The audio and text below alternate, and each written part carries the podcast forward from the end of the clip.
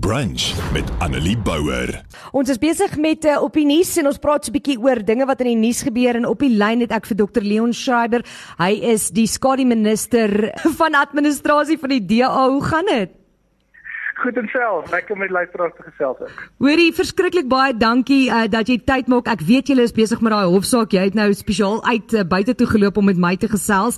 Hm? En ek is so dankbaar want ek probeer op uh, die op al die nuuswebwerwe sien wat aangaan, maar daar's nog nie regtig enige nuus rondom dit nie. So, wil jy nie net vir ons vinnig 'n oorsig gee van waar trek die hofsaak? Wat is op die op hierdie oomblik aan die gang nie? Ja, so op die oomblik is ehm um, ons advokate besig om die DA se argumente te maak aan die hof oor waarom kaderontplooiing die ANC se beleid ongrondwettig en onwettig is. Ehm um, ons maak natuurlik staat op wat die grondwet vir ons sê oor hoe die staatsdiens bestuur behoort te word en die grondwet maak dit baie duidelik in 195 en 197 dat daar geen ruimte is vir politieke inmenging wanneer dit kom by die aanstelling van staatsamptenare nie. So ons praat nou nie van politici so nie, dit is uiteraard 'n politieke proses as jy stem vir iemand en en die ANC wen 'n verkiesing of die DA wen 'n verkiesing, dan is dit 'n ampt, amptdraer uit daai party. Maar waaroor dit hier gaan is oor die administrasie, die amptenare, die mense wat in munisipaliteite werk of in staatsdepartemente. So ons is nou besig om daai argument aan die hof te maak. Ehm um, ons verwys ook deurlopend na getuienis van die Sonderkommissie wat reeds bevind het dat hierdie praktyk ongrondwettig is en ons verwys na die notules wat ons uh, in die hande gekry het verlede jaar van die ANC se nasionale kaderontplooiingskomitee uh, wat 'n bietjie soos 'n smoking gun is en bewys eintlik 'n groot deel van ons saak. So net om seker te maak dat die luisteraars en die publiek verstaan presies wat dit beteken. Hierdie beteken soos wat jy nou gesê het, nie ministers nie want dit is die dit is elke politieke party se reg om te kies wie hulle wil hê moet daar wees, maar dit sluit nou natuurlik staatsgoeders in behalwe vir munisipaliteite, byvoorbeeld die mense in Eskom, wie Eskom beheer Absoluut. en en seker ja. tipe goeders SAL, daai tipe staatsamptenare, verstaan ek dit reg? Ja, en ons kan sien uit die notules uh en uit, uit die bewyse dat uh inmenging deur die ANC in aanstellings by ehm um, staatsbeheerde entiteite en staatsdepartemente ehm um, is aan die orde van die dag. En ons hoef net te kyk na die toestand van ons staatsdepartemente of staatsinstellings soos Eskom om te sien wat die uitwerking daarvan is dat jy vir 'n politieke party die mag gee om te besluit wie aangestel moet word. Want wat hulle doen is hulle stel dan mense aan op grond van hulle lojaliteit aan die ANC en hulle vermoë om die ANC se doelwitte te bevorder eerder as op grond van meriete en hulle vermoë om die werk te doen. So elke keer wanneer die krag afgaan, is dit eintlik 'n herinnering vir ons oor die gevolge van ANC kaderontplooiing. So jy's heeltemal reg, dit gaan hier oor die professionele amptenare en dit gaan op die einde van die dag oor 'n 'n fundamentele demokratiese begrip en dit is die skeiding tussen party en staat. Ehm um, as jy 'n ingenieur nodig het om waterdienste in jou munisipaliteit reg te maak, dan vra jy nie is hierdie persoon 'n lid van 'n party om die beste persoon te kry nie, want jy gaan baie ander mense uitskakel. Jy vra wie is die beste persoon vir hierdie werk? En dit is wat ons glo ons kan bereik as ons hierdie hofsaak wen, is om te begin om daai tipe politieke inmenging uit te skakel en aanstellings op grond van meriete te maak.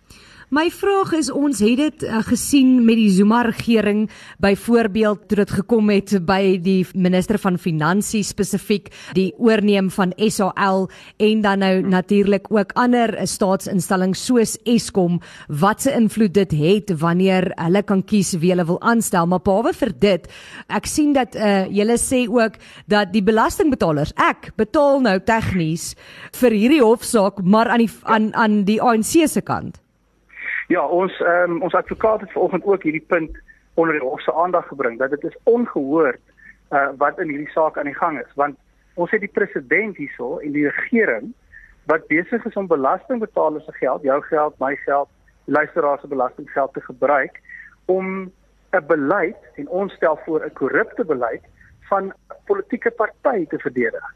So dit is nie 'n geval van president Ramaphosa wat hierso in sy kapasiteit as ANC president optree nie. Hy is hier as president van die land besig om belastingbetalers se geld te gebruik om die ANC te verdedig. En ons het 'n ernstige probleem daarmee en ons het dit onder die regter se aandag gebring uh, ook as 'n voorbeeld van uh, hoe desperaat die ANC duidelik is om hierdie beleid te beskerm en vir die wyse waarop dit hulle belange bevorder ten koste van die belastingbetaler en van gewone Suid-Afrikaners.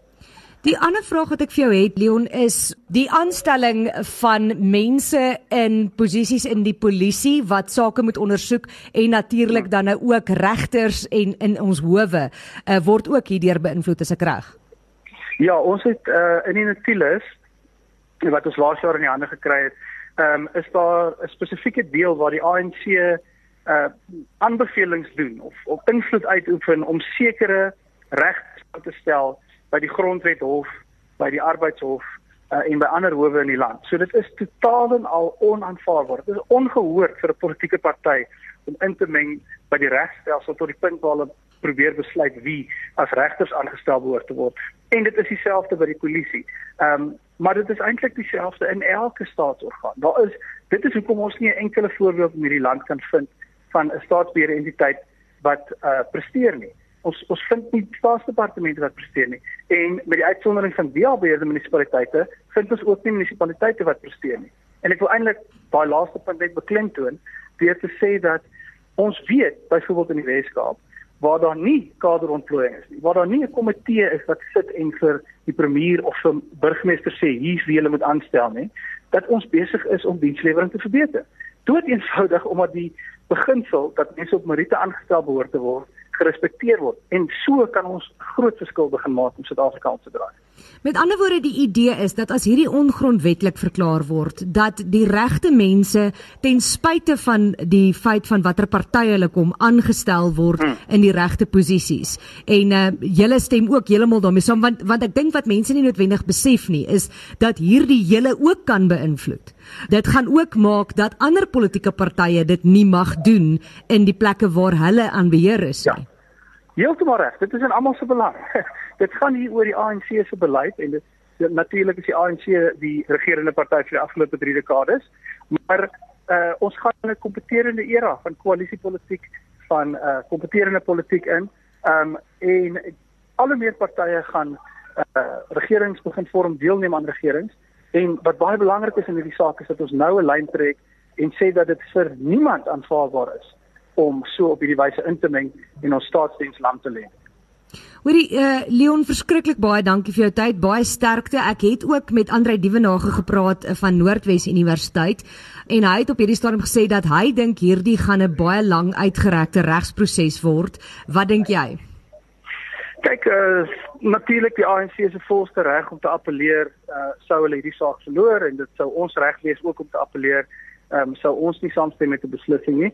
So mens kan nie mens kan nie uh op hierdie stadium sê hoe lank dit gaan vat nie, maar wat ek van die DA se kant af kan sê is ons is absoluut beslote om hierdie proses deur te sien omdat ons glo dit is fundamenteel vir die oorlewing van die Suid-Afrikaanse staat. En as dit gaan beteken dat ons al die pad tot in die grondwet of moet gaan nie oor, dan gaan ons dit doen. Nou kom ons ek kan vir jou sê wat ek vir uh, Andre gesê het, kom ons hoop dat sou dit moes gebeur en hierdie ding gaan so ver dat jy iewers dan voor uh, Raymond Zondo verskyn. ja, ek uh, dit gaan interessant wees. Um, ons weet wat die Zondo kommissie se bevinding was oor hierdie saak en uh, ons ons kyk maar as ons daar kom hoe daai proses gaan uitspeel maar op hierdie stadium glo ons en vertrou ons dat die regters in die Hooggeregshof in Pretoria um, ook tot dieselfde gevolgtrekking sal kom. Baie sterkte en dankie vir jou tyd hoor. Dankie, lekker dag. Goed, bye. Annelie Bouwer, weekoggend tussen 9 en 12 op Groot FM 90.5.